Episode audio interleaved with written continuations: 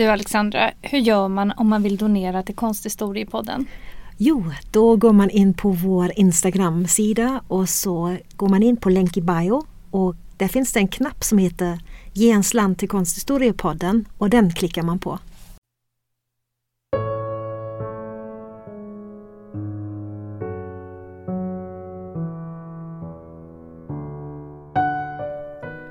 Hej och välkomna till Konsthistoriepodden. Jag heter Alexandra Frid. Och jag heter Alexandra Härlitz och idag ska vi testa något helt nytt för oss. För vi har bjudit in en gäst som vi ska prata med om ett valt ämne.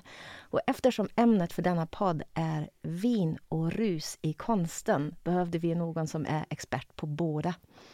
Vår gäst har underhållit Sverige sedan 1990-talet, är restaurang och hotellägare, entreprenör, vinimportör, författare, poddare och konstnär. Vi har med oss i studion Petter Alexis Askegren som har kommit för att prata med oss om vin och rus i konsten. Varmt välkommen Petter! Tack så hemskt mycket! Eh, vilken eh, fin presentation och eh, vad roligt att få vara här. Tack så hemskt mycket! Det tycker vi med. ja, eh, får vi se om jag kan eh, ja, bistå med någonting, men jag hoppas det. Det tror jag. Vi tog ju kontakt med dig för några månader sedan och frågade om vi kunde göra en podd eller någonting ihop och då berättade du för oss att du faktiskt hade läst konstvetenskap och att du har skrivit en B-uppsats i eh, konsthistoria eh, eller konstvetenskap.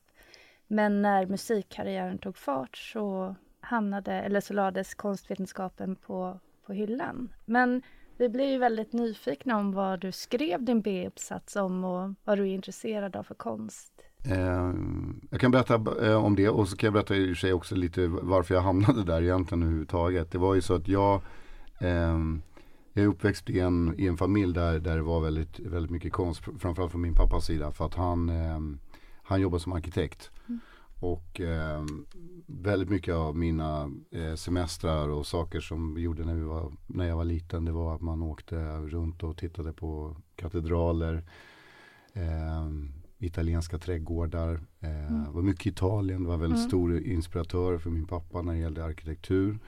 Eh, så det fanns liksom naturligt i det, i, i min familj. Sen eh, tyckte jag kanske inte det var det roligaste när jag växte upp. Men eh, min mamma försökte hela tiden få in mig på det. Så att mm. jag tror att hon i, i slutet eh, som något sista desperat försök för att få mig att studera eh, mm. hjälpte mig att söka konsthistoria mm. eh, i Uppsala. Och då kom jag in där. Eh, vad som var det roliga var att eh, skola för mig hade inte gått så bra. Men däremot när jag kom in på konsthistorien så blev det helt plötsligt som att jag Ja, men lite som att jag spelade Finns i sjön. Jag mm. hade ju varit på alla de här platserna, sett ganska mycket av de här verken. Så det blev mycket lättare för mig att fotografiskt komma ihåg saker och ting. Mm. Eh, men eftersom jag då kom från eh, i hiphopvärlden och, och blev introducerad till den kulturen eh, från att jag var tio år så kändes det ganska naturligt för mig att jag gjorde en B-uppsats om, om eh, jag gjorde en, en ganska man säga, djupgående porträtt på tre stycken svenska graffitikonstnärer som idag är verksamma konstnärer faktiskt. Mm. Eh, och de hade precis då, eh, ska man säga, eh, växlat om eh, mm. och börjat eh, jobba med det. Eh, och jag, jag läste faktiskt, eh, jag läste totalt 35 poäng. För de sista fem poängen eh, slarvade jag bort för att då hade min musikkarriär verkligen börjat få fart. Eller jag, ska, jag hade precis börjat få ett skivkontrakt. Och, jag kommer ihåg att, att de på konsthistorien tog mot sidan och sa, ska du inte fortsätta med det här? Så, så tänkte jag så här, men jag gör den här skivan så får vi se, kanske jag kan gå tillbaka sen. Um, och sen så blev jag artist. Mm. Men eh, jag, jag, i alla fall fyra, fem år in i min artistkarriär så ringde jag faktiskt tillbaka till Uppsala och frågade så här. Hur mycket är det kvar? Kan jag göra klart de här sista fem poängen? Och det som är lite märkligt med det var ju att det var eh, alltså konst från 1900-talet och framåt. Vilket intresserar mig idag är väldigt mycket. Mm. Så ja, det var alla de här Göteborgskoloristerna, ja. alla, allt det som jag tycker är superspännande idag. Så var det så här, Ja, ja, det blev som det blev. Men eh, det var i alla fall, eh, det, det, var nog någonting jag hade garanterat fortsatt med om jag inte mm. hade valt att hålla på med musik. Mm. Spännande. Ja, verkligen. Långt svar, förlåt. Ja. Jo, vi har ju tänkt på detta ämne ett tag, alltså vin i konsten. Och det finns ju en hel del bilder från eh, Mesopotamien och det gamla Egypten och eh, den grekiska och romerska antiken. Men även under senare epoker när man går igenom ett, ett konstmuseum, och det kan vara var som helst egentligen, så ser man mängder av vinglas och vinflaskor och druvor och rankor i konsten från egentligen alla epoker. Och det ville vi veta mer om. Så det blev ju väldigt bra att du både har kunskap om vin och konst och du har ju en podd ihop med vinjournalisten Alf Tumble som heter Dela en flaska med Alf och Petter där ni pratar om viner. Och man kan verkligen höra hur passionerade ni är. Uh, när, när blev du biten av det här intresset?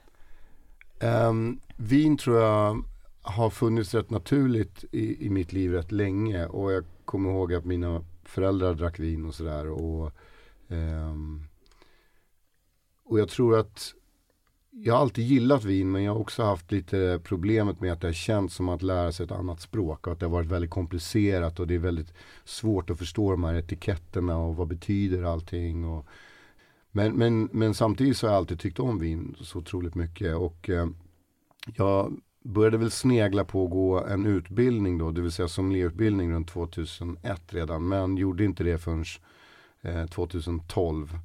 Och eh, precis där som i, i konst så hade jag helt plötsligt väldigt lätt för det. Och eh, jag brukar beskriva det lite som att man öppnar Pandoras ask på något vis. Men, men det blev, eh, jag blev väldigt besatt utav det och tyckte att det var otroligt roligt. Och, ehm, samtidigt så har jag alltid känt att, jag och Alf har pratat ganska mycket också om att vinet ligger så nära musiken. Men inför det här besöket som jag gör hos er, som jag, jag sa det när jag kom hit, att jag var väldigt nervös för det är ett stort ämne och det är ett spännande ämne. Så jag har liksom aldrig förberett mig på en podd så mycket som jag har gjort inför den här podden någonsin. Eh, och det som slog mig när man börjar titta på vin, eh, eller vinhistorien, är att den går så nära konsten. Mm. Och även då förmodligen med musik också. Det handlar ju liksom om de här jag brukar säga att det är någon sorts treenighet. Eh, så jag, jag blev väldigt eh, förtjust i vin och, och, och, tyckte det var väldigt kul att plugga det. Eh, hela andemeningen för mig har varit att eh, eh, vin har ju oftast klassats som någonting väldigt fint och elegant och tittar man tillbaka i historien så var det oftast de som hade lite bättre ställt som hade råd att dricka vin. Eh, och det går ju hela vägen tillbaka till medeltiden. Mm. Men, men Eh, och längre än så. Men, men jag, jag tycker att eh, det finns inga dumma frågor kring vin och vin är för alla och eh, det är faktiskt eh, något av det mest naturliga vi kan ha eftersom det är en, är en måltidsdryck och det är ju det det egentligen är tänkt att vara från början. Mm. mm. Vi brukar ju säga att vårt enda urvalskriterium för konsthistoriepodden eh, när vi väljer verk är att båda två ska tycka om verket det ska inte vara svårare än så. För att när man jobbar med någonting så ja, man behöver ha passion för det, precis som du säger.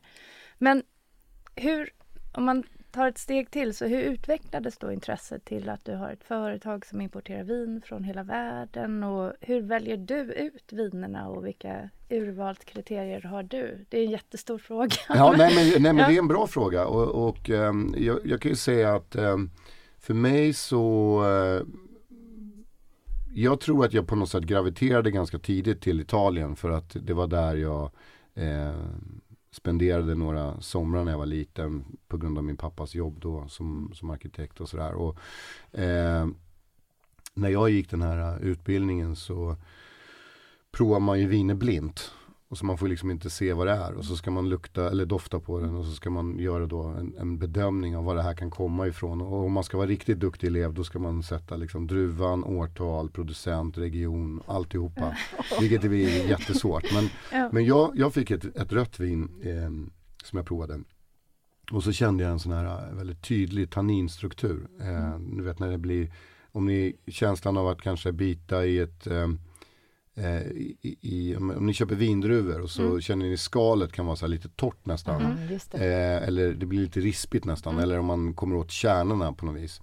Eh, den känslan i vin, det kallas för tanniner. Och tanninerna älskar jag. Och mm. eh, då frågade jag direkt eh, vår lärare så här, vad, vad, är det för vad är det här för vin? Och så skulle vi reda ut då vad det var för någonting. Mm. Men då kom vi fram till att det var Nebbiolo. Mm. Och Nebbiolo är då, det odlas visst, man kan odla det i hela världen. Men, men man ska säga att liksom, man pratar om grundområdet så, så är det ju eh, Barolo Barbaresco och Piemonte. Mm. Eh, och då insåg jag att det här är ju liksom min stora passion. Eh, så, eh, och jag kände ju också att jag ville vara en del av vinvärlden och eh, Eh, tyckte också att det var intressant för att jag hade inte intresserat mig så mycket för mat innan så jag upptäckte liksom det här med gastronomi och allt det. Mm. Vilket gjorde att ja, jag skulle nog vilja liksom jobba med de här vinbönderna. Och eh, jag är en sån entreprenörsdriven person så att det blev ju ganska snabbt att jag satt med en vinimport eh, med en kompis då. Och sen har vi liksom utvecklat det och gjort mer och mer utav det. Eh, och idag så, för att beskriva vad jag håller på med, så jobbar jag med vin, musik och konst. Och det är väl tre fantastiska saker att få hålla på med egentligen. Verkligen. Okej, okay, men vi ska ju prata om eh, vin och ruset i konsten. Eh, och det blir ju då några nedslag. Men eh, vi ska ändå visa hur vinet har funnits med i kulturhistorien. Både i mytologi och i form av religiösa ritualer. Och på grund av detta också i konsten. Att eh, vin ofta blev avbildat i konsten handlar mycket om gudomligheten bakom vin som dryck. Och vi börjar med den grekiska antiken. Så att eh, vi har valt ut guden Dionysos och eh, som sedan i den romerska mytologin blev översatt till guden Bacchus. Och Dionysos är alltså en gud som skiljer sig på många sätt från de andra gudarna i den antika mytologin. Den mytologiska berättelsen om hela hans liv är faktiskt väldigt fascinerande och den ger också förklaringar varför Dionysos blev förknippad inte bara med vinet men också med galenskap, döden och återfödelsen. Enligt den mytologiska berättelsen är Dionysos son till Zeus, alltså den antika grekiska gudarnas högsta och mäktigaste gud. Sedan finns det lite olika bud om vem som är hans mor och hela den biten med död och återfödelse gör det inte lättare att hänga med i historien. Men ofta så berättas historien så här. Ja, det är Zeus som närmar sig sin egen dotter Persefone som var den grekiska döds och fruktbarhetsgudinnan. Och han närmade ju sig oftast i olika skepnader och i detta fall var han alltså förvandlad till en orm. Resultatet blev en gemensam son som hette Sagreus och eftersom Zeus visade så tydligt att han älskade denna son blev hans fru Hera svartsjuk och gav då titanerna i uppdrag att hitta och döda den lilla pojken Sagreus. Titanerna använde ett knep för att locka honom ur sin grotta. De lovade honom äpplen och gåvan att förstå djurens språk. Sagreus blev inte imponerad men det tredje löftet, en spegel, den gjorde honom nyfiken och han kom ur sin grotta. Då kastade sig titanerna över honom och slet honom i sju delar som de sedan stekte över elden och slukade i sig. Och Zeus dödade titanerna med en blixt. Sen finns det väldigt olika versioner av berättelsen. Men i en version berättas det att ur askan av Sagreus brända lemmar växte den första vinstocken och det här är ju den mytologiska förklaringen till vinstocken. Men hur ser det ut i verkligheten? Alltså när och var började man egentligen odla vin? Och eh, när började man dricka vin? Ja, bra fråga. eh, nej men historien bakom vin är ju en, är en väldigt lång historia och man kan liksom spåra fram 8000 år sedan. Och eh, det börjar förmodligen med någon eh, glad typ som eh, råkar få i sig något bär som är, som är jäst. Och, eh, eller en druva menar jag. Och eh, ja, helt enkelt eh, upptäcker vilken fantastisk eh, smak och känsla det är. Eh, sen har vinet eh, spridit sig i världen eh, och ursprungsområdet som man pratar om heter ju transkasien det vill säga Georgien, Armenien och Azerbajdzjan. Eh, men som sagt, det är klart att det tar fart med eh, eh dels var det Egypten för cirka 5000 år sedan eh, och då användes det ju kanske också som läkemedel. Men sen är ju romarna är ju viktiga för vinets utveckling men också eh, Fenicien, sjöfararna med sina handelsrutter och de grundade då såklart många fina vingårdar. Dessutom förfinades också verktygen såsom vinpressen eh, och man började använda fat och kanske inte bara eh, lera, det vill säga amfora.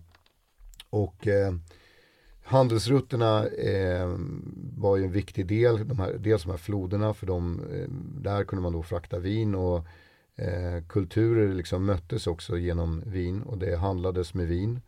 Och eh, under medeltiden så blev ju vin också någonting som var väldigt eh, exklusivt, speciellt då för de som bodde i norra delar. Då de sysslade kanske mer med öl och ale. Eh, men i de södra delarna så eh, odlade man vin då helt enkelt. Eh, och sen så har ju katolska kyrkan bidragit såklart med eh, nattvarden och eh, även eh, eh religion som judendomen. Och eh, ja, på den vägen är det. Och eh, som sagt under romarriket skulle jag säga var liksom verkligen satte eh, standarden för vinmakning. Och sen så har vi egentligen, jag menar de vinerna som vi dricker idag eh, är ju otroligt bra. Och det kanske de har varit ungefär 300 år bakåt i tiden. Så att viner som dracks på den tiden för flera tusen år sedan var det nog en helt annan nivå. Det var nog en blandning mellan ättika och eh, massa andra konstiga smaker. Det var väldigt otippat. Gud vad man ja. läser. ja, eh, nu blev det mycket historia på en gång. Vi hoppade igenom en jäkla massa saker. Men, men eh, ett, ett litet svar på det helt enkelt. Ja. Mm. Men tillbaka till Sagreus, för hans berättelse är inte slut än. För det är Sagreus som sedan återföds som Dionysos. Eh, det är så att Zeus åt upp Sagreus hjärta så att Sagreus skulle kunna återföras. Och Zeus hade då redan etablerat en ny hemlig kärleksaffär med den mänskliga prinsessan Semele. Men återigen så blev då Hera, hans maka, svartsjuk och förvandlade sig då till Semeles amma och övertalade på så sätt Semele att be Zeus att som ett kärleksbevis visa sig i sin sanna gestalt. Och då visade sig Zeus sig för henne som en blixt. Semele träffades av blixten och brändes upp och dog. Vid denna tidpunkt var dock Semele redan gravid med det gemensamma barnet Dionysos. Sen var det Zeus mor och Dionysos farmor Rea som la murgröna på den brinnande Semele. Hon kunde inte rädda Semele genom detta, men det ofödda barnet i hennes mage överlevde. Och då fick Zeus bli lite kreativ och ta hand om det ofödda barnet. Han skar ett snitt i sitt lår och lade det ofödda barnet och sydde sedan ihop såret. Efter tre månader öppnade han sömmen igen och födde Dionysus på detta sätt. På så sätt föddes Dionysus två gånger och genom denna andra födelsen ur Zeus lår blev han gudomlig och odödlig. Men där tar inte heller hans berättelse slut. Nej, den svartsjuka Hera förtrollade honom med galenskap så att han under flera år irrade genom världen och tog sig både till Afrika och Asien. Antagligen är det genom dessa resor som leoparderna blev hans typiska följeslagare även i konsten. När han äntligen hittade tillbaka till Grekland erkände varken hans mors familj eller de olympiska gudarna honom som gud. Till slut är det Ida-bergets gudinna Kybele som botar den numera vuxne Dionysos från hans galenskap.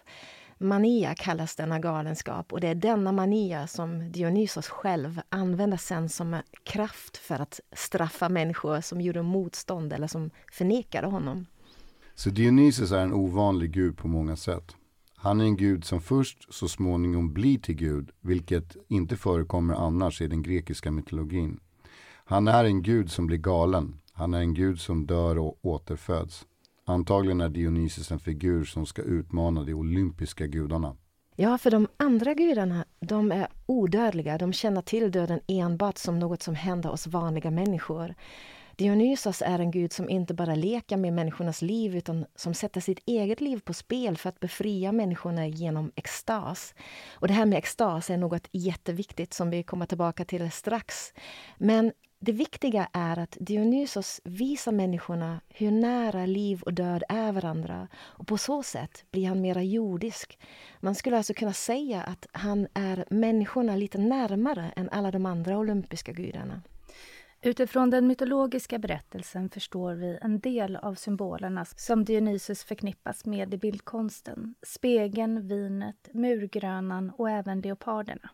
Ja, eh, I konstens bildvärld så är ju Dionysos och Bacchus väldigt närvarande men hur är det egentligen i vinkulturen? Finns dessa vingudar med på något sätt i benämning av vin eller vinsorter eller på etiketterna? Eh, det är ju lite så många av oss köper vin efter etikett. Ja. hur, hur närvarande är liksom den här gamla kulturhistoriska koppling i vinkulturen nu för tiden?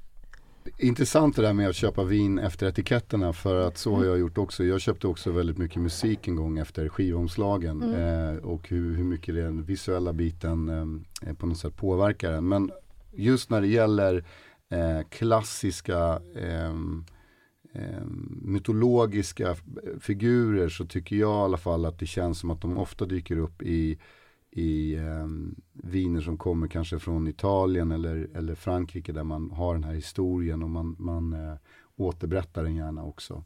Eh, och i just eh, Dionysus Bacchus fall så eh, vet jag att eh, det finns eh, eh flera etiketter som, som eh, eh, är återkommande. just för att det är, det, det, är så viktigt att prata om det i konsten för att Dionysus är då liksom dryckens gud helt enkelt. Nu har vi pratat så mycket om denna gud Dionysos så vi kan titta lite mer på hur han gestaltas i bildkonsten. En av de mest spektakulära skulpturer som föreställer Dionysos eller Bacchus som han kallas i den romerska mytologin. Ja, det är ett verk av renässanskonstnären Michelangelo. Han var verksam på 1500-talet, en tid då man blickade tillbaka till antiken som ideal och förebild. Jag läser ett litet stycke ur Totte Wibergs eh, fantastiska bok som heter Konsten i vinets värld. Michelangelo Buonarroti skaffade sig vingård sent i livet. Han var 74 år då. Han eh, 1549 köpte en egendom i den så kallade Gyllene triangeln mellan Panzano, San Donato och Castellina i Chianti-området. Michelangelo var stolt över sitt vin, så stolt att han till och med skänkte av det till påven Julius II i Rom. Michelangelos intresse för vin väcktes tidigt. I 20-årsåldern gestaltade han den i en berömd skulptur av vinguden Bacchus. Den drygt två meter höga skulpturen finns idag på Museo Nazionale Bagello i Florens. Mest känd för att han förstås, eh, är han förstås för Davidsstatyn och för målningarna i Sixtinska kapellets tak i Vatikanen. Mm. Det är ju jätteintressant för Julius den andra, han gav ju eh, Michelangelo flera viktiga beställningar just i Vatikanen. Och, mm. Så det är kanske inte är så konstigt att han gav, att han skänkte vinet till, till honom. Det första jag tänker på när jag ser den här mm. eh, för det kommer jag ihåg, man pratar mycket om det här eh, i skulptur kontra posto. Mm hur de står. Ja. Med att de, man, man har balansen på, eller tyngden på ett av Precis. benen. Mm. Men här känner man ju att den är liksom lite ur spel. Svajig. Eh, att han är lite svajig och att man, han har ju fångat känslan av att det här är en person som är berusad. Mm. Eh, det, det var liksom det första, mitt första intryck. Ja, och sen att han också är, han är ju, vi är inte vana, just när det gäller Michelangelos arbeten så brukar ju han är ju så exakt när det gäller eh, just i sin skulptur. Om man tänker på Davidsstatyn till exempel så är ju den eh, ja, så lik en antik skulptur egentligen. Eh, men här är det någonting, något annat. Det är en mycket mer ledig skulptur. Jag har, eh, det är kul, jag har en version av Davidsstatyn i min studio. Okay. Eh, som jag ser ganska ofta och jag, just den jämförelsen tänker ja. jag också på för att David Statyn är ju också det är ju en person som är väldigt rak i ryggen, står och blickar ja. utåt och det är liksom det är en sån erövrarstämning. Ja. Och här känns det lite mer som du sa också, relaxed. Han är väldigt avslappnad. Ja, och man kan nästan föreställa sig hur han har festat i flera veckor. Liksom det osar gammal vin och alkohol från kroppen. Och, ja. Ja men det är, det är ju något, det är som du säger, ja. den är, han står ju på något sätt i kontrapost mm. fast mm. på ett väldigt ostadigt sätt. Det är så att han nästan lutar sig mot den här stammen bakom sig. Mm. Och så just det där hur han putar sin mage uh, och skjuter liksom höfterna mm. framåt mm. lite. Det ger något väldigt uh, ett väldigt udda eh, uttryck på något sätt. Och sen Utmanande även, kanske man... Ja, ja. ja, Och sen även um, minspelet och ansiktsuttryck. Mm. Om man, den tycker jag är väldigt svårtolkad på något sätt. Mm. Ja, och så relationen ihop med faunen som står bakom där vid, vid den här trästammen och försöker roffa åt sig några vindruvor som, som Dionysus eller, eller Bacchus håller i. Ja. Jag har skrivit en anteckning här. En mm. berusad kontrapost med en staty som andas fylla. Ja, då var vi ganska Men också att den är lite provokativ och ja. eh, han beställaren eller han som skulle köpa den här var väl inte helt nöjd heller. Nej, eh. Nej det stämmer. Det är liksom något stöddigt över honom. Ja. Han är ju lite, det, det finns ju något eh, väldigt alltså lite oelegant och lite bråkig över honom. Men sen också den här ja, märkliga kroppshållning. Mm. Men vi ska berätta om eh, ja. Ett snabbt sidospår, apropå när vi ändå pratar om, om gudar och så, mm. så finns det ju fruktbarhetsgud Demeter. Mm.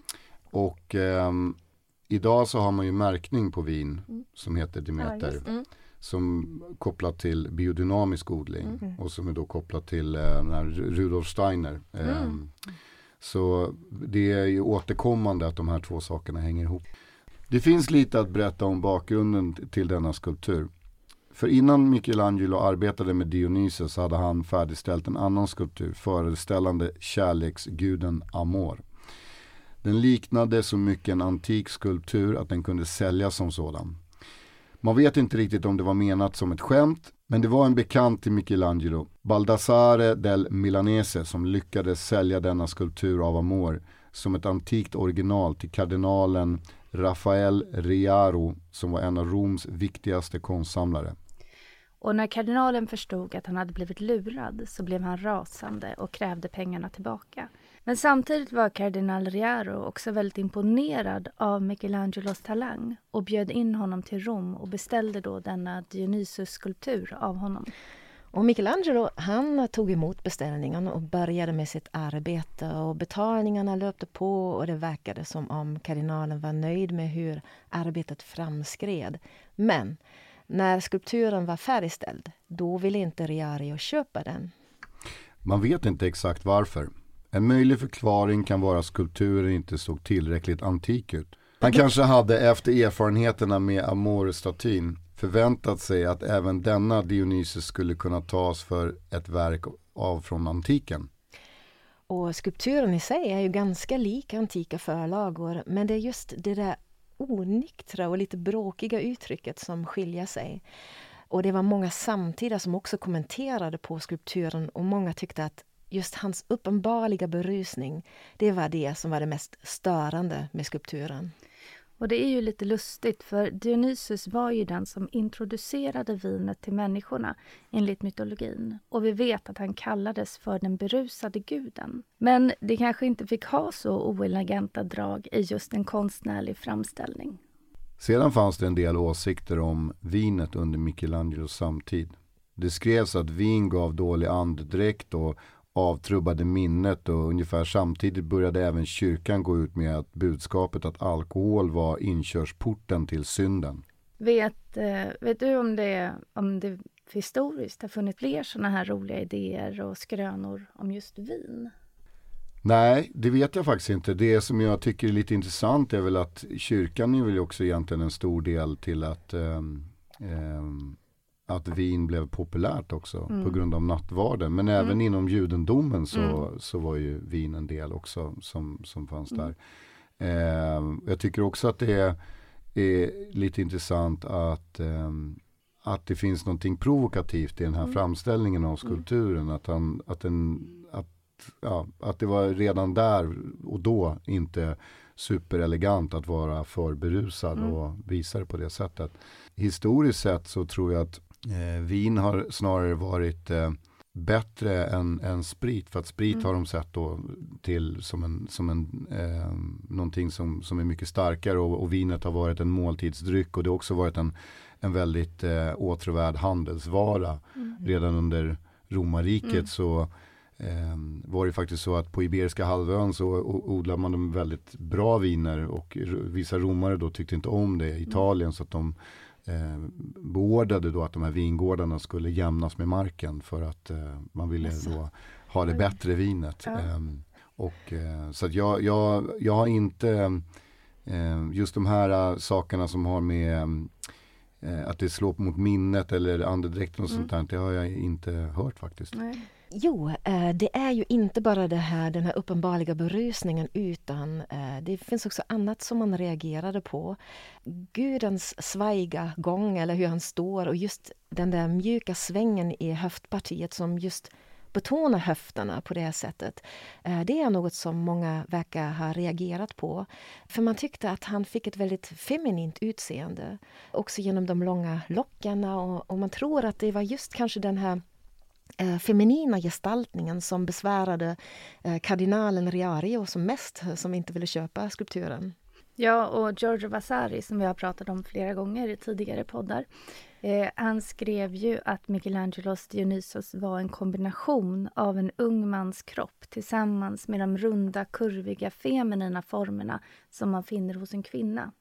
Och Francesco Bocchi eh, anmärkte på gudens kvinnliga skönhet. Det fanns folk som tyckte att den här typen av framställningar skulle leda till moralens förfall. Och det största problemet kanske var att man förknippade Dionysus feminina kvaliteter med homosexualitet. Men egentligen fanns denna aspekt redan med i antika texter. I vissa källor beskrevs att Dionysus blev uppfostrad som en flicka. Sen beskrevs det också att han kunde vara förklädd till en kvinna. Och även homosexualitet är ju något som förekommer i antika texter. Ovidius beskriver att Dionysus älskade den skägglöse Ampelos och att han vid ett tillfälle hade sex med Polymnus i utbyte mot en tjänst. Så det fanns ju homoerotiska berättelser i de antika texterna och lästes alltså inte bara in i Michelangelos skulptur. Homosexualitet förekom absolut i Italien under renässansen och det finns de som argumenterar för att Michelangelo antagligen själv var homosexuell. Men kyrkan ansåg det som en synd och det var ett brott enligt lagen. Och det kanske är en förklaring för varför kardinalen som beställde verket inte ville äga en skulptur som hade homoerotiska undertoner. Men vi ska tillbaka till Dionysos och de extraordinära krafterna som han hade.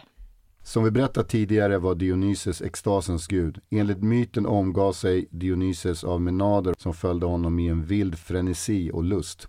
Ställde man sig i deras väg så kunde man drabbas av onda händelser.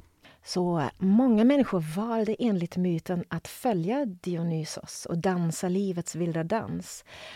De två viktigaste tillstånden som man skulle uppnå genom detta är grekiska ord som vi även nu för tiden använder oss av. Det ena är extas, alltså hänryckning, att man förs bort från sitt vanliga tillstånd.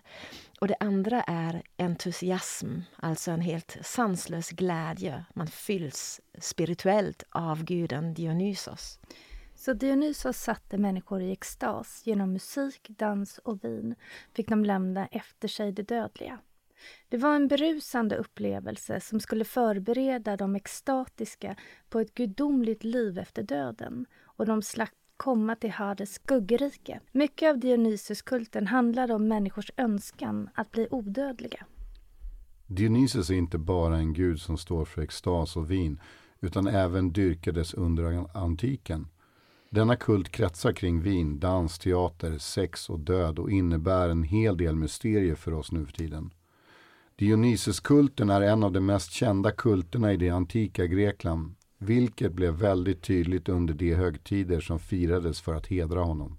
Högtiderna, eller Dionysierna, bestod dels av en stor festival till Dionysos ära som ägde rum i Aten i mars och april.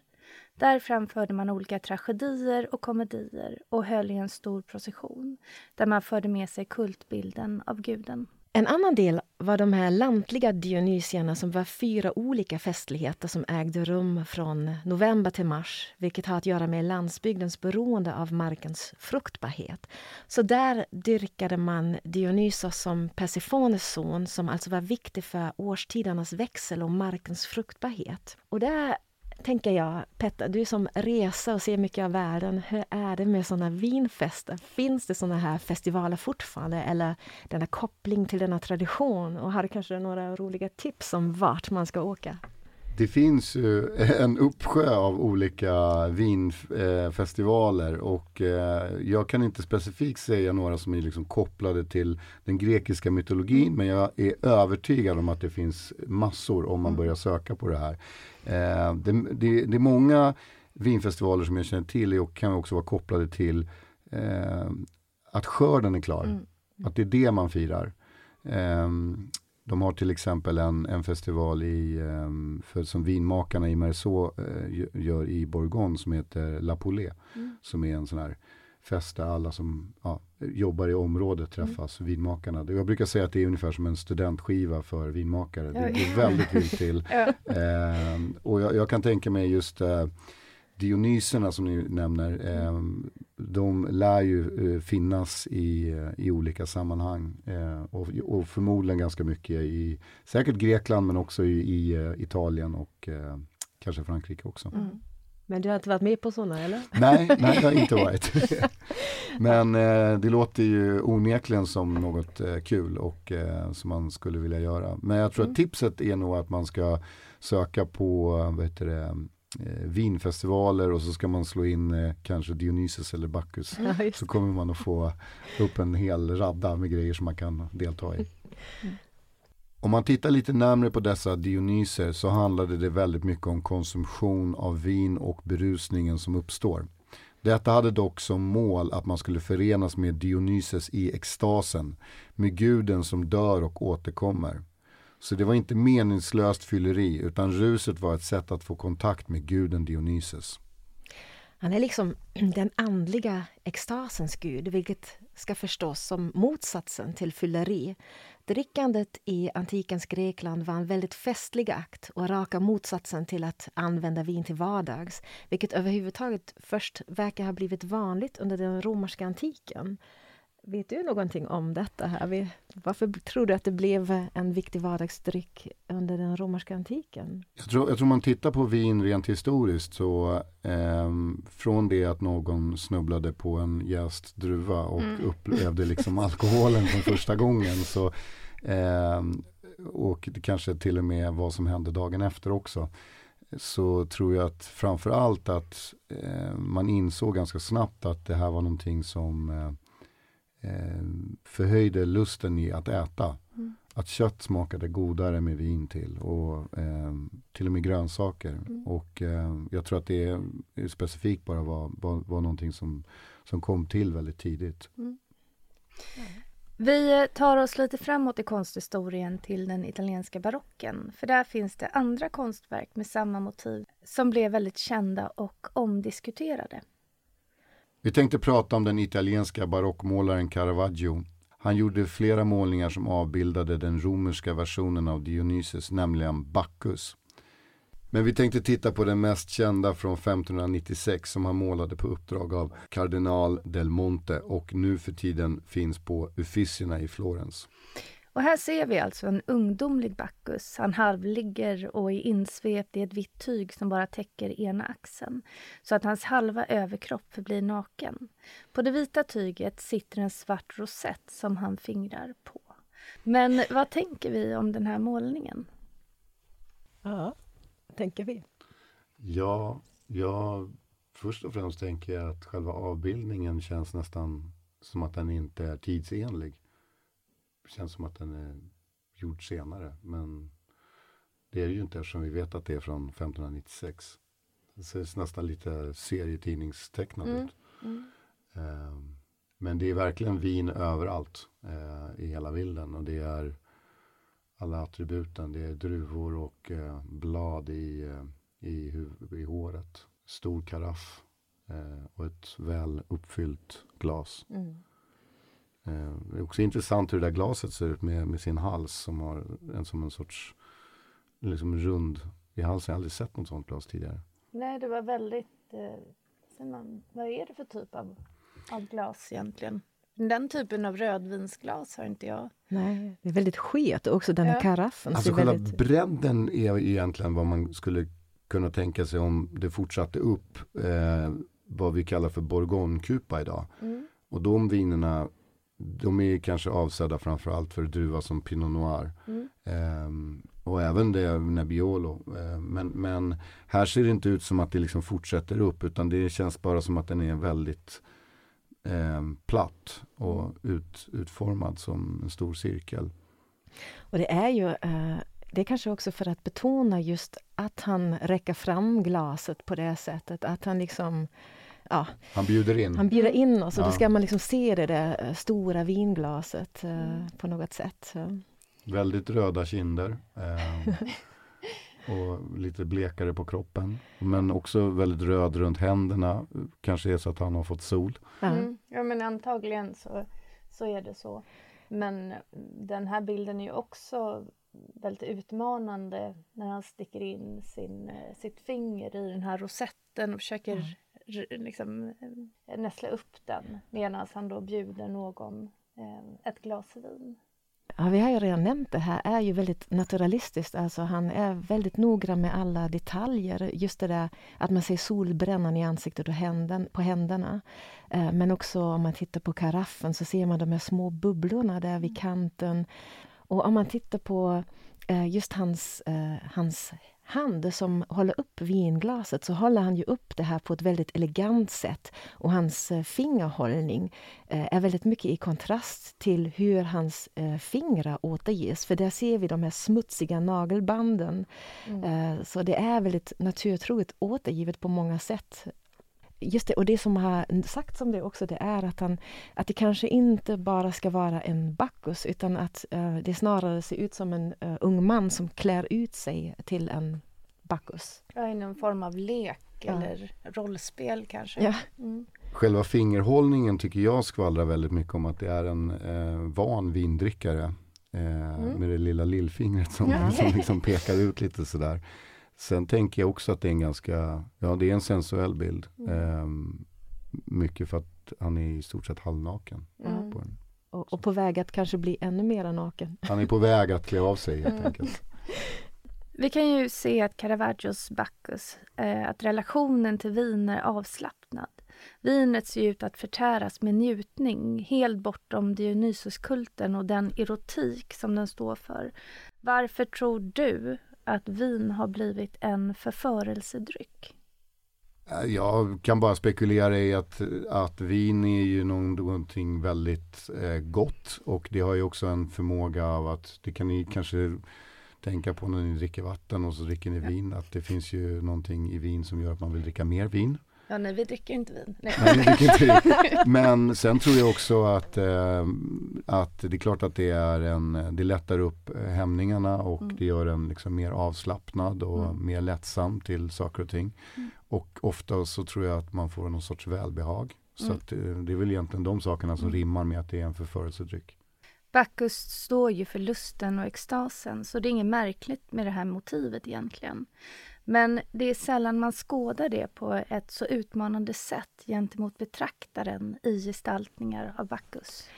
Modellen för denna Bacchus är återkommande i Caravaggios verk och eh, visar en typ av ung man som Caravaggio ofta målar med det där väldigt unga utseendet och den mjuka, eh, bastanta men ändå muskulösa kroppen.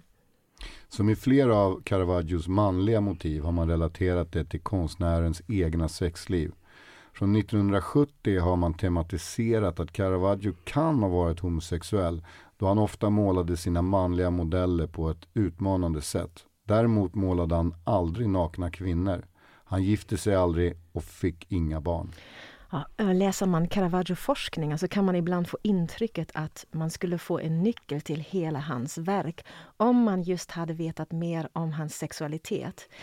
Egentligen finns det ingenting som bevisar någonting men det finns mängder av källor och indicier. Och utifrån dessa är det mycket troligt att Caravaggio hade sexuella relationer med män.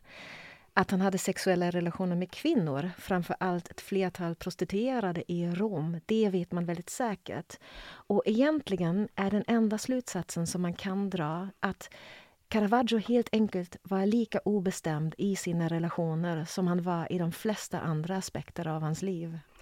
Man vet inte heller om modellen här var hans adept Mario Menitti som han också sägs ha haft en sexuell relation med, eller om det är ett självporträtt.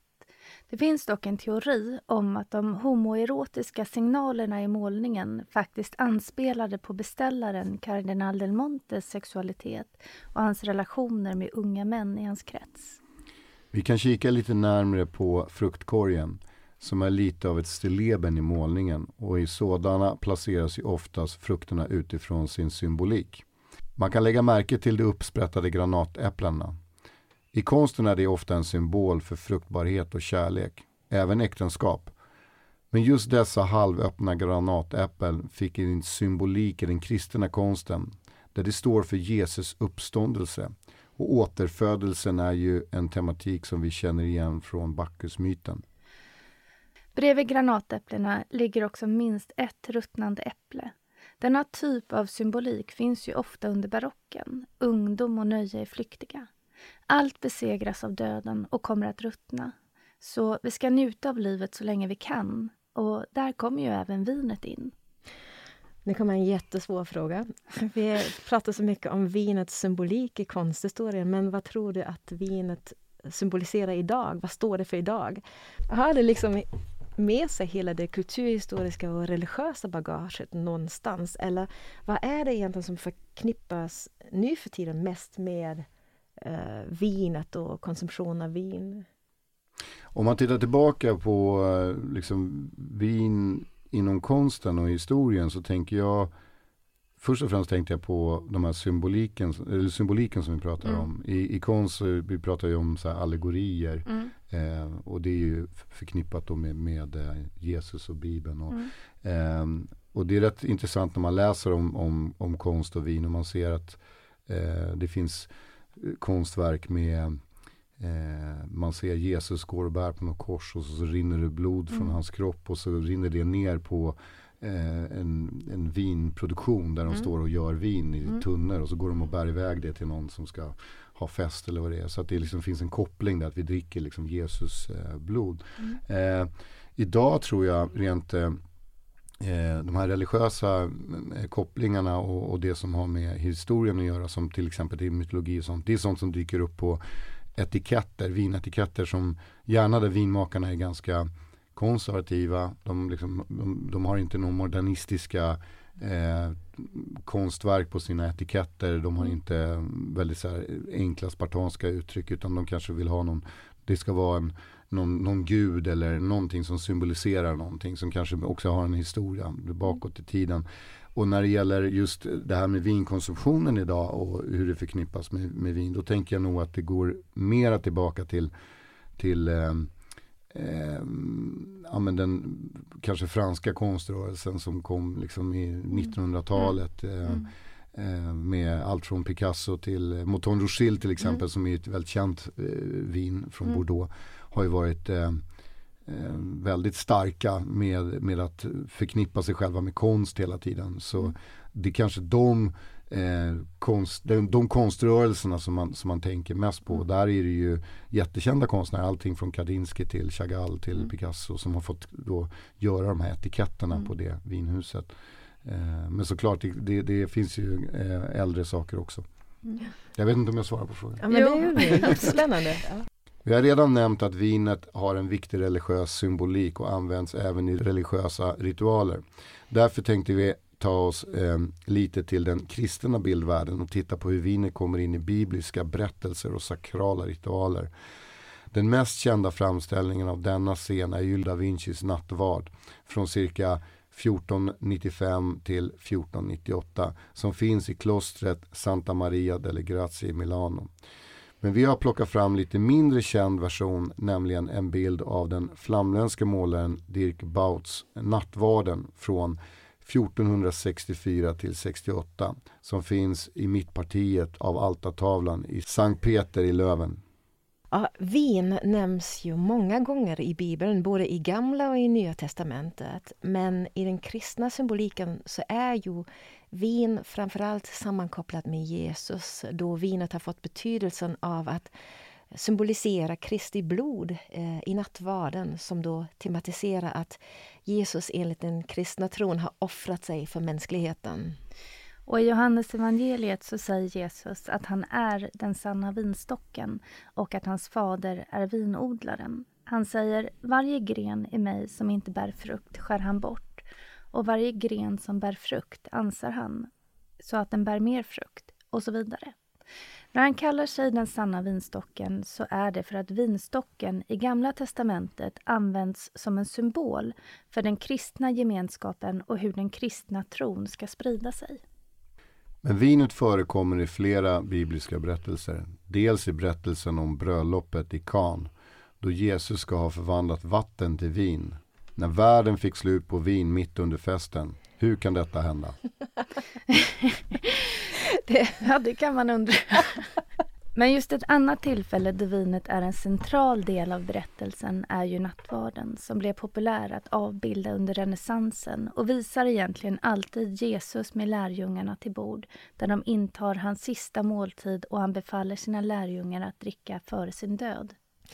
Det finns ju lite likheter där med den antika Dionysoskulten där vi också har en återfödd gudomlig figur som symboliseras av just vin och vinstocken.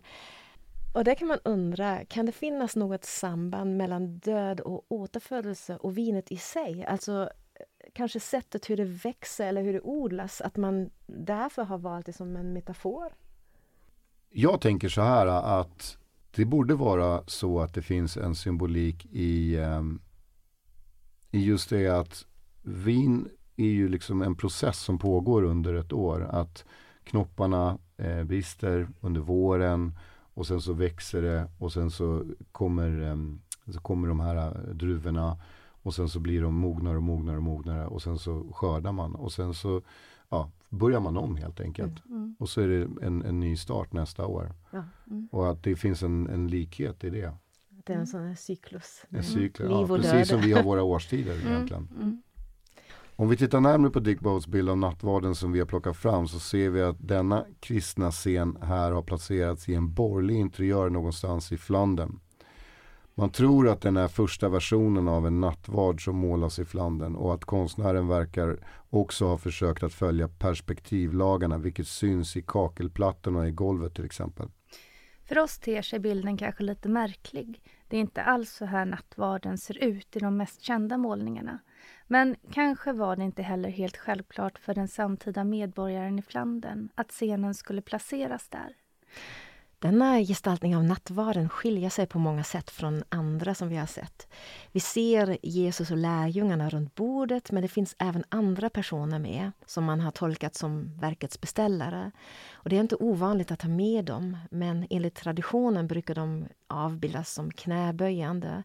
I denna målning blir de dock tjänare som serverar maten till måltiden som vi ser framför oss. Så de blir vittnen till den här bibliska scenen, nattvarden. I tidigare poddavsnitt har ni pratat om konsten från renässansen norr om Alperna och att det, många detaljerna var väldigt viktiga och hade religiösa betydelser. Kristus sitter med sina lärjungar i symmetrisk eh, anordning runt ett nästan fyrkantigt bord som man har lagt en vit duk över. Ja, och en lång och smal duk av annat vitt tyg ligger runt bordets kant som någon typ av servett. I mitten av bordet ligger ett metallfat med en ljusröd vätska. Något som man, som vi tror, ja. felaktigt har tolkat som resterna efter lammet som precis har ätits. Ja, nattvardsscenen beskrivs ju i Bibeln, till exempel i Matteus evangeliet. Medan de åt tog Jesus ett bröd och efter att ha läst tackbönen bröt han det. Gav åt sina lärjungar och sade, tag och ät, detta är min kropp. Och han tog en bägare och efter att ha tackat Gud gav han den åt dem och sade Drick av den alla, detta är mitt blod, förbundsblodet som blir utgjutet för många till syndernas förlåtelse. Tittar vi närmare på dukningen så ser vi att den består av olika sorters fyllda glas med en klar vätska. Vi ser knivar, ett saltkar med ett lock och en kanna på fot. Tittar vi närmare på kannan så är det en kanna där vi inte kan se innehållet. Jesus har en kalk framför sig och en oblat i handen. Ingenstans i bilden ser vi det röda vinet som brukar förekomma. Kan man istället då ha hällt vinet i fatet för att sedan doppa brödet där? Kanske är det så att glasen är fyllda med heligt vatten som kommit från glaskannan med metallbeslag. Det är ju så att vi i detta ögonblick, precis som beställarna, blir vittnen till att Jesus inviger nattvarden. Vi har redan pratat lite om barocken och i och med Caravaggio. Men vi tänkte återvända till 1600-talet och då till Nederländerna. På 1600-talet har vi fortsatt vin i konsten som en symbol för både högtidligt eller religiös symbolik.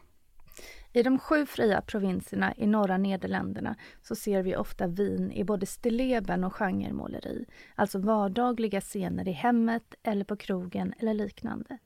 I dessa målningar får ofta vin en mera moralisk eller även en erotisk symbolism.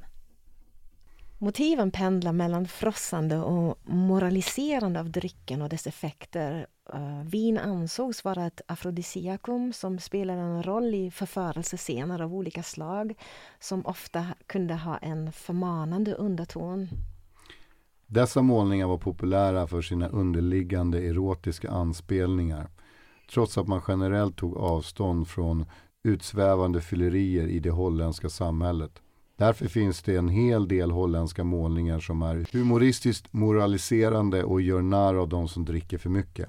I Holland så dracks det ju väldigt mycket under mm. den här tiden och att de hittade tydligen på också eh, enormt mycket anledningar att dricka. Mm. Alltså man hade olika saker som skulle firas helt ja. enkelt. Um, så att um, de, de liksom, när man läser om vinhistoria så utmärker sig just den här perioden mm. som ett, en väldigt festlig period. Men är det också då som man blandade kopiösa mängder med socker i vinet? Eller? Ja, jag har också förstått det som att, att man ville att vinerna skulle gärna vara söta. Ja. Eh, och det var ju också lyxigt att ha mm. sött, söta viner. Eh, så det kan absolut vara så. Mm. Ja, men det var ju bra att få lite kontext mm. om Holland. Det passar ju väldigt Eh, väldigt bra in. Då förstår man ju lite mer varför just konstnärer som Jan Sten målade sådana motiv ganska ofta. Till exempel omåttlighetens effekter som finns på National Gallery i London. Eh, för i denna målning så ser vi alltså ett hushåll där eh, barnen och tjänstefolket har tagit över. Och de ger sin mat till katten och de ger vin till papegojan och rosor till grisen. Ja, och en liten pojke till vänster är i färd med att tömma en sovande kvinnas handväska eller eh, penningpung. Det är hon som eh, nog ska föreställa modern i hushållet som egentligen är ansvarig för familjens välmående. Men berusad av vin och tobak så försummar hon här sina förpliktelser. Yes. Resultatet av detta har vi framför oss. Totalt kaos i huset och trädgården ser man en man, antagligen hennes make, som är i färd med att förföra en ung kvinna som sitter i hans knä. I det kalvinistiska holländska samhället var anständighet, ordning och reda viktiga dygder. Men man gillade också ett gott skratt och det kunde Jan Stens målningar verkligen bjuda på med sitt moraliserande, underhållande sätt. Sen finns det också en helt annan typ av målningar från samma kulturområde som innehåller vin på ett annat sätt. Och det är ju eh, stillebenmåleriet. Det var en genre som utvecklades under den nederländska guldåldern på 1600-talet. Som första gången då ett motiv kunde bestå av endast dyrbara föremål, växter och mat och annat. Dessa stilleben kan uppfattas som enkla kompositioner, men de har en komplex bakgrund. Man var väldigt noggrann med vilka föremål man valde att måla och det valdes utifrån symbolisk innebörd. Men också utifrån olika material. För det första så skulle allt som avbildas spegla rikedomen som fanns i huset. Och det kunde vara allt från Nautilus-pokaler eh, med snäckskal till dyrbart glas, silver men även dyr mat som exotiska citroner eller citrusfrukter och lyxig dryck som vin.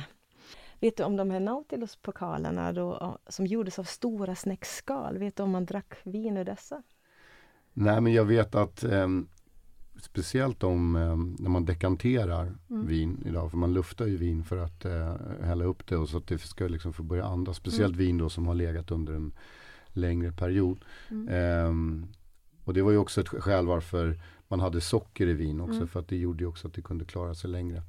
Eh, men oavsett vad så är ju ofta de här karafferna är ju liksom av väldigt, kan ju vara väldigt ståtliga. Eh, mm. Och eh, det tror jag också har att göra med att visa på, på rikedom och mm. att man ja, var välbärgad helt enkelt. Och att man, man hällde upp vinerna inte bara i vad som helst utan att man hade dem i de här vackra karafferna. Mm.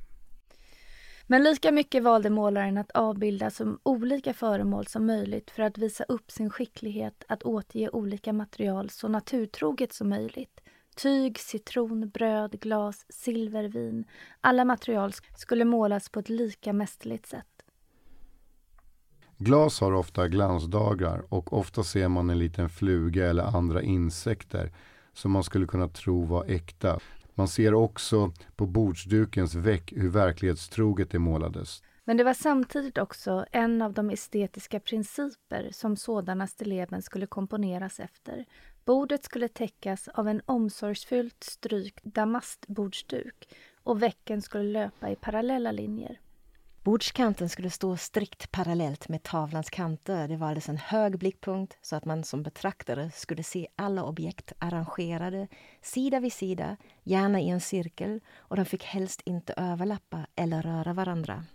De här strikta reglerna luckrades dock upp under 1600-talet.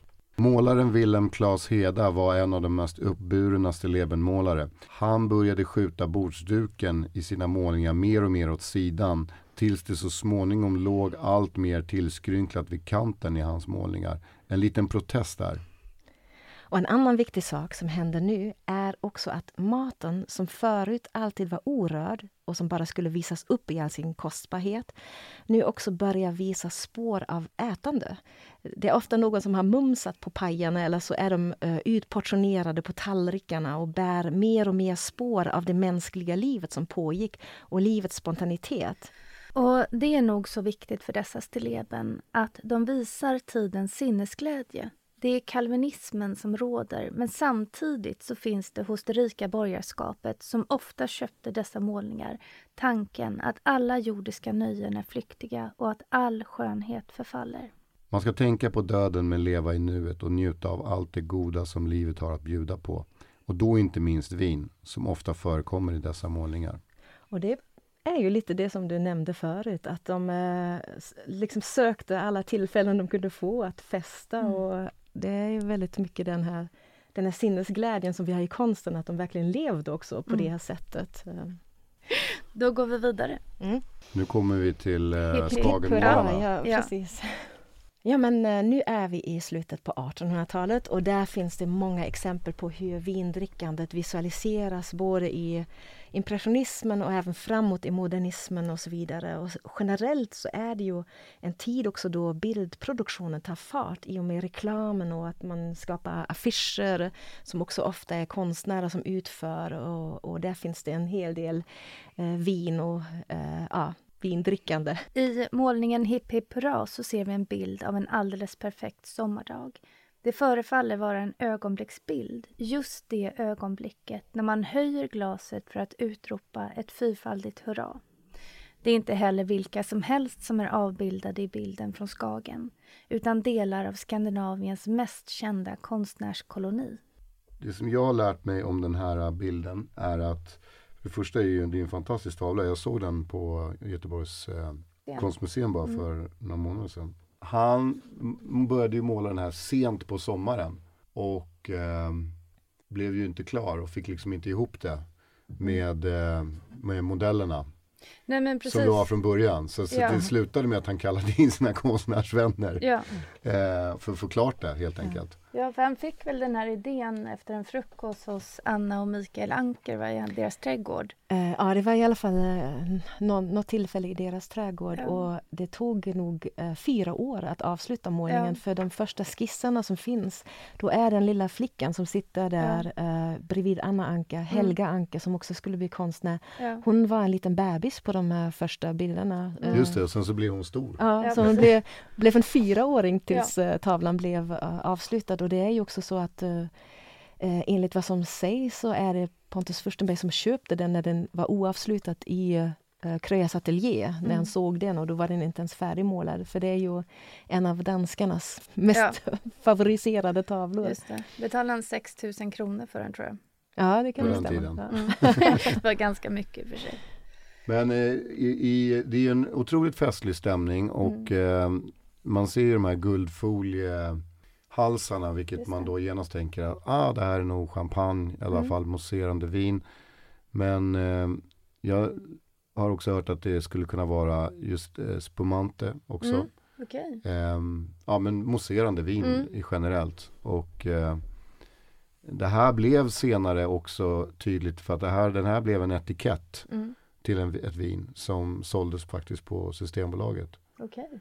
Eh, som eh, tror jag faktiskt fick heta Hipp Hipp Hurra, vilket också är lite eh, lustigt med tanke på att eh, det svenska monopolet har ganska hårda regler med just hur man framställer alkohol. Att, Mm. att det inte får vara någonting som liksom uppmanar till att Mhm. dricka. Om tittar man på den här bilden så vill man ju bara sätta sig och vara med. Ja. Eh, det känns som att det är en väldigt härlig stämning. Du berättade om det här med spumante och så. Hur, är- hur är det egentligen med det här mousserande vinet? Alltså när kom det till eh, Skandinavien? Är det något som man tog med sig då från Frankrike kanske Mm. eller från resor som man gjorde till kontinenten? Eller?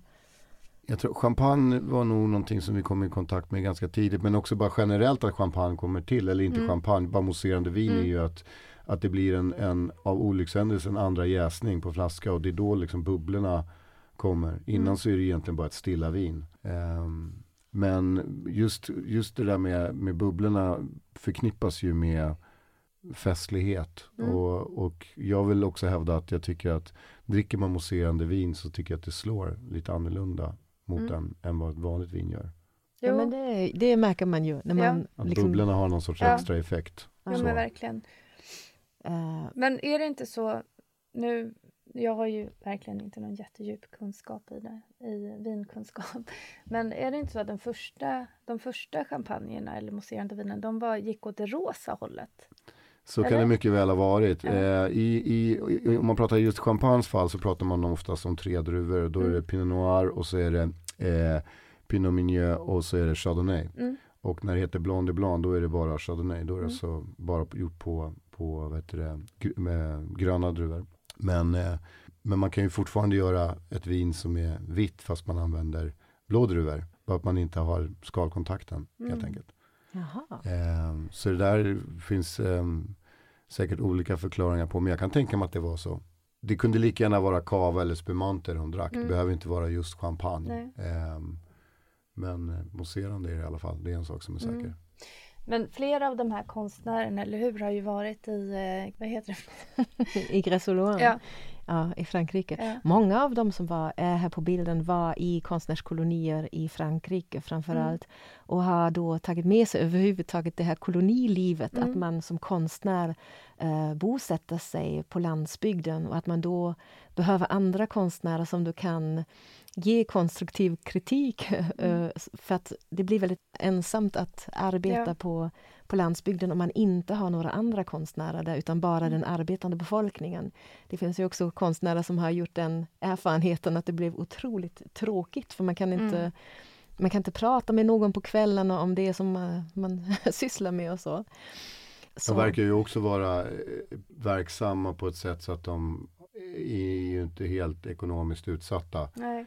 Ehm, och, och därav också beresta. Ja, precis. Vi, det är ju nästan, det är ju någonting som vi pratar ganska mycket om i våra poddar. Just det här med att bli, eh, att det är ju få urfattiga konstnärer som lever, som faktiskt var urfattiga. Det är oftast en image kanske som byggs upp mer än, än att det verkligen var så. Ja. ja, det har vi pratat om en del. Mm. eh, Att det finns den här konstnärstypen, att den gärna ska vara utblottat och Mm. Lida och ja. ja. allt det där. Men, eh, men jag tror att eh, ofta i de här större kontexten så är det så att det har väldigt mycket med, med mingel och nätverkande att göra. Det vinet som senare så släpptes då på Systembolaget som med det här motivet var ju eh, ett mousserande vin faktiskt från Italien Mm. okej. som Emilia Romagna. Ehm, Sen vet jag inte hur det är hur man, när man använder sådana här bilder, vad rättigheter och sånt säger. Det har jag ingen aning om. Men Ja, det, ja, det vet jag inte heller exakt hur det går till. vad är det för koppling? Men det, just det här motivet har det väl gjorts filmer och allt möjligt på Ja, också. Så det att. Det är väldigt känt Mm. så att säga. Men det har ju liksom blivit en sån här bild som är, så här ska en fest vara. Man ser Mm. verkligen det så naturalistiskt avbildat med, Mm. med eh, hur solljuset... Sensommarljus. Ja men precis, Mm. Eh, hur det också. faller genom löven och på hennes rygg till exempel, Mm. där mötes rygg, eller på bordstycken också. Så ser man liksom eh, hur, ja men det, man känner igen en sån här, sån här, den stämningen på såna här Mm. trädgårdsfester och så. Det är verkligen, Jag tycker det här ljuset är återkommande i mm, alla de här Skagen-målningarna Mm. faktiskt. väldigt, väldigt finstämt på många Mm. sätt. Det är det. De två, eh, Anna Anker och hennes dotter är det va, som sitter närmast Ja, Helga. oss. Ja, Helga. De hade från början mörka klänningar på sig. Och det här var en av de sista förändringarna som Kröjer gjorde. Ja. Mhm. Ja, det hade kanske blivit lite för mörkt då Mm. om man tittar på kompositionen. Mm. Eh, han utgick ju också från ett fotografi till en början som en det var en tysk fotograf som eh, var med på den festen, den ursprungliga festen som fotade där och Mm. den bilden ville ju då Peder Severin Kröja Mm. måla och då eh, då tog han sig till Mikael och Anna Ankers trädgård men eh, det visade sig som att de inte var så förtjusta i att han skulle sitta där hela sommaren och Nej. måla i deras trädgård. Så han Mm. fick ju först hitta ett annat ställe men sen är det ju som du säger Petter att det tog evigheter att måla den bilden. Den sista målningen som vi har valt efter att vi läste lite om dig eh, och då fick vi läsa att eh, Arne Isaksson som lever mellan 1917 och 2010 var eller är en av dina husgudar. Den målningen som vi har valt det är ju de här, den här vingården i Luberon i Provence och nu syns ju inte i hans målning här hela den här experimentella sidan som Nej. han blivit så känd för. Det är liksom inte hans bästa målning så, men vi valde ju den uppenbarligen för vintemat och vi vill gärna komma in på den konsten som du tycker om. Och när man tänker på våra skickliga akvarellister i Sverige då är det nog många som först tänker på det sena 1800-talet och främst Anders Zorn och Carl Larsson. Men i denna tradition måste ju, man ju absolut nämna Arne Isaksson också som var 1900-talets akvarellkonstens nestor. Men berätta lite, hur kom du i kontakt med Arne Isakssons konst och vad är det som fängslar dig i hans verk? Mm. Ja, alltså först och främst så är det så att jag är, eh, eftersom min pappa var arkitekt och det fanns inget datorprogram då, eller han hade ingen Mm. dator, då var det ju så att arkitekter på den tiden var ju väldigt, de var ju tvungna att kunna liksom Mm. teckna och rita och, och måla och, och visualisera Mm. eh, sina, sina idéer. Så måla akvarell och så var ju inte bara någonting som han lärde sig i sitt jobb utan det var också en passion Mm. som han hade. Mm. Och eh, han gick eh, på Gävleborgsskolan, Mm. eh, kurser då. Eh, och sen så målade jag väldigt mycket med min pappa och min syster målade också. Mm. Och eh, återkommande var hela tiden hur man förhöll sig till akvarell var att man Mm. alltid pratade om Arne Isaksson och hans liksom färglära och Mm. hur han jobbade med pigmenten. Och eh, när man hör intervjuer om, om eh, med Arne Isaksson eller ser liksom gamla filmklipp på honom, då, han är ju väldigt övertygande när han pratar om hur, Mm. hur man gör. Och eh, jag lärde mig väl att, eller började älska den stilen av, av akvarell. För att den är ganska vild, den är inte så, det handlar inte så mycket om hur välbeskrivet motivet måste vara utan det är mera hur färger och former på något sätt samspelar med varandra. Och det som är lite lustigt när man ser den här då eh, från Provence är ju att jag tror att eftersom han grundade Gävleborgsskolan och la väldigt mycket tid på det eh, så tror jag att de, de målade ju också, de hade väl någon filial vad jag vet eh, i, eh, i Provence också. Mm. Eh, även Stockholm. Mm. Men eh, man kan se ganska tydligt hur det skiljer sig, hur färgerna är. För Mm. tittar man på de sakerna där han, de har målat i till exempel Bohuslän Mm. så är det helt andra blåa nyanser som ska liksom framhäva de, de bohuslänska klipporna och så. Ehm, och man pratar väl också kanske om nordiskt, eh, det nordiska akvarellskapandet, att det är väldigt speciellt. Och jag, jag är ett jättefan av Arne Isaksson och liksom tycker ju att alla hans grejer mer eller mindre är fantastiska. Nästan oavsett Mm. vad det är för någonting. Det som man tänker på det är ju också att akvarell är ju um, ett medium som består mycket av det där vattniga, alltså vatten mm. och pigment. Och det gör ju att det ofta blir ganska mjukt i sin framtoning, alltså historiskt mm. sett. Mm. Men uh, hos Anne Isaksson och just det där, det där experimenterandet med det hårda pappret och de här pigmenten så blir det ju ofta, han, han får ju verkligen till det där eh, det där karga mm. landskap också, det där klippiga och lite, mm. ja men nu har jag inte mm. rätt adjektiv men ni vet vad jag menar. Liksom, ja. Absolut och, och, för ett otränat öga tror jag att det kan se ut som att eh, men det där ser rätt ihoprafsat ja. ut liksom snabbt men det är så mycket precision och tanke bakom det och eh, det tycker jag också är intressant hur han liksom har förstått hur vissa färger eh, vissa färger har ett tjockare eller kanske konigare pigment mm. och hur, hur de mm. liksom på något sätt samspelar med varandra. Och att, mm. att akvarell är egentligen ett ganska knepigt sätt svårt. för att det är svårt ja. att kontrollera de här färgerna. Och att jag tycker också att det passar så himla bra med, med det ljuset som vi lever mm. i och sådär. Så. Hur länge, hur länge har du målat?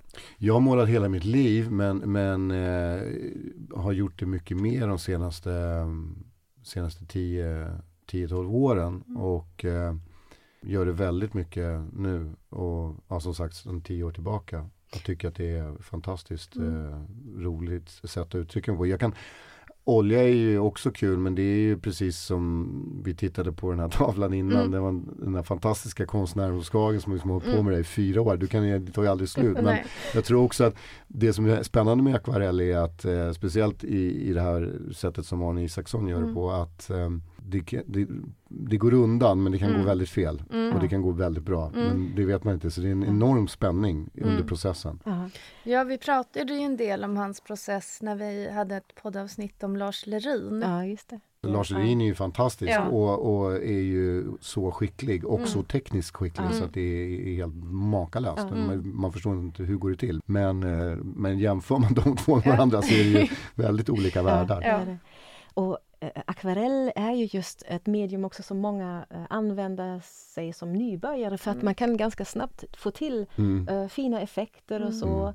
Uh, men sen att verkligen bemästra det, det är ju det, det är, är ju det mest det är ju ett så svårt medium. Mm, verkligen. Att, uh, Arbetar du mycket med, med akvarell då eller är det liksom din, ditt favoritmedium? Eller? Ja det är ju mitt favoritmedium mm. men jag tycker det är kul med olja också. Jag tycker egentligen, jag tror att hela, jag alltid, eftersom jag håller på med text och musik mm. så jag har alltid haft ett jättebehov av att uttrycka mig kreativt mm. och sen så har det varit liksom olika discipliner. Mm. Och när jag gick på humanistisk eh, linje i gymnasiet som inte gick så bra så gick jag, höll i alla fall på med keramik och tyckte det var kul också. Okay. Så det finns ju liksom olika sätt att göra saker och ting på. Men eh, Eh, akvarell, eh, jag, jag, tycker väldigt mycket om de här, jag är förtjust i pappret, i de här hårda mm. arken och liksom den mm. känslan. Och du, du, kan, du kan göra det eh, jag kan känna ibland med olja så att det är en större process för att komma mm. igång och mm. hålla på med det. Mm. Akvarell är lite, lite så att jag kan resa med grejerna mycket lättare mm. och så också. Ja precis, så, det är så. ju ett eh, det är ett gammalt resemedium också. Ja, det, det tog man med sig på 1700-talet mm. på sina Grand Tour till Italien för att man mm. bara behöver egentligen den lilla lådan. Vatten finns överallt. Mm. Uh. jag är så här, den här boken som jag har skrivit mina anteckningar i mm. om, mm. jag har en bok här framför mig så jag har skrivit eh, om lite vinhistoria. Men jag är ju också mm. så här, det här, alla små teckningar och målningar som jag gör, det är vingårdsbesök som jag gör hos olika oh. vinbönder. Och då gör jag små teckningar och bara för att komma ihåg vart jag var någonstans. Och Ja just det, här var vi, det här är Etna till exempel mm. på Sicilien. Eh, och så det här är eh, La Morra i Barolo. Och så mm. gör jag sådana här små bilder och då är akvarell ett väldigt bra mm. medie att ha med sig. Att man bara kan göra små, små teckningar helt enkelt. Mm. Vi har ju läst din bok Min plats på jorden. Och just det. Där, och där berättar du om ditt måleri och relationen med din pappa och hans inflytande på din konst. Skulle du vilja berätta lite mer om det? Eh, ja, alltså jag tror att eh, mycket av min eh, uppväxt handlade om att eh, följa med honom när han eh, var ofta ute på klipper i Bohuslän mm. liksom, och målade. Och då mm. åkte man alltid med. Och då var jag oftast jag och min syster. Min bror var inte alltid med. Men, men det var jag och min syster som var med. Och mm. Eh, hon är arkitekt idag. Och vi umgås väl egentligen idag genom att vi målar tillsammans. Och vi skickar rätt mycket målningar till varandra och håller på och frågar så här, vad tycker du ska jag göra? Så här, Nej, gå inte på, inte mer färg nu. Och det, så här, håller på så. Eh, och eh, jag liksom, jag menar jag växte upp med den här pappan som tyckte att det var en bra idé att dra med mig på en krokikurs när jag var tio år. Mm. Eh, vilket jag tyckte var jättegenerande. Ja, eh, det kan man förstå faktiskt. Ja, och det blev, ja men så. Men jag kan ja. skratta åt det idag. Jo. Och eh, det som är intressant när man, när man eh, har sett så mycket arkitektur och konst och så som jag fick göra som ung. Eh, och i många fall inte alls tyckte var speciellt kul där och mm. då. Är också hur man liksom lite blir det man gjorde uppror mot. Att mm. man på något sätt, idag uppskattar jag det så himla himla mycket och jag har mm. så mycket bra minnen från det. Och eh, även om jag, jag kunde avsky att gå på Nationalmuseum när jag var liten med min pappa. Men när jag går dit idag så är det typ en av de kanske tryggaste, bästa platser mm. jag vet. För mm. att jag är så avskärmad från allt utanför. Det är ingen telefon som ringer och man är bara där. Och det finns ett, så här, ett lugn, speciellt i det snabba samhället mm. som vi lever idag. Mm. Så jag uppskattar väldigt mycket av de sakerna som jag fick mm. när jag var yngre. Men jag liksom kanske inte förstod det just där och då. Eh, och sen så när jag tittar på, jag har ganska mycket akvareller från min pappa som jag mm. eh, har fått med mig. Eh, så ser jag också hur begåvad och duktig han var. Mm. Men han var också en väldigt eh, blyg person. Så mm. han visade ju aldrig upp det här för någon. Eller, okay. Utan det var verkligen bara något privat bruk. Mm. Sådär. Så skulle jag nämna mina tre eh, favoritakvarellerister i Sverige så skulle jag nog säga Arne Isaksson, min pappa och min syster. Okay. Det var väldigt jävig. Ja. Men, men Vi har en sista fråga till dig. Ja. Och det är att vi har ett specialintresse, både Alexandra och jag, mm. om, som handlar om konstnären som entreprenör. Och vi tycker om att, att undersöka hur vissa konstnärer blir så framgångsrika som de är. Och när vi pratar om olika historiska konstnärskap så går vi gärna tillbaka till uh, renässanskonsthistorikern Giorgio Vasaris texter om dem. Och läser man Vasaris bok Berömda renässanskonstnärers liv så får man en väldigt tydlig bild av en idealkonstnär eh, som Vasari målar upp då. Och den här idealkonstnären skulle alltså arbeta hårt, vara vacker och bete mm. sig väl. Ja, och vi ser ju, vi förstår ju att du arbetar väldigt hårt, det vi har läst på om dig. Mm. Men hur ser du på Vasaris ord? Tror du att du lyckas, eller jag vet inte, inte riktigt tror du att du lyckas med allt som du tar dig an för att fylla hans bild av den ideala konstnären. Men på något sätt så, så, så du gör ju verkligen det. Jag tror att man eh, eh, Jag har faktiskt läst om honom också och mm. jag tycker att eh, det som är, är intressant är väl att jag tror att oavsett vad du tar dig an och vad du har för liksom ambitioner i livet, vad du vill göra. För så var det ju även med min, när jag liksom började med musik också. Mm.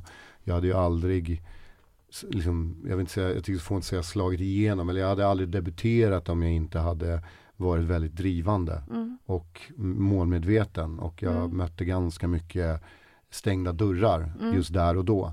Eh, så jag kände väl att eh, då behöver man, då behövde jag verkligen ta, ta saken i egna händer mm. och, och vara en, en, en flitig drivande person. Mm. Och det tror jag också eh, gäller liksom inom, inom konst mm. också. Mm. Eh, att det är samma sak där.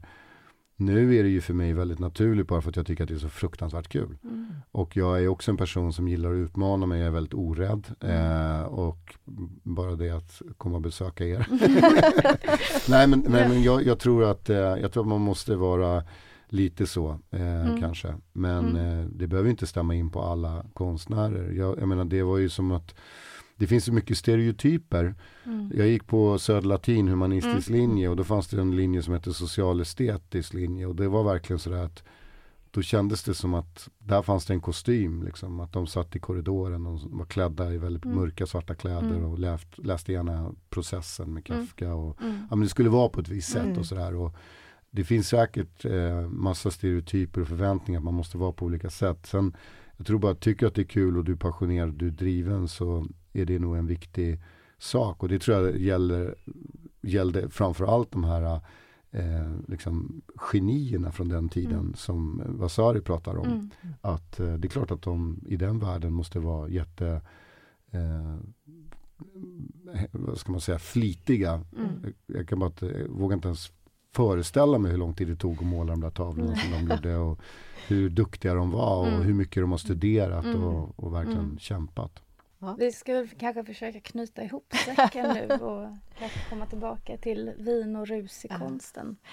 Jag måste säga jag har lärt mig otroligt mycket. Och det, nu har jag fått hemskt många konstiga och märkliga och även dumma frågor av oss om vin.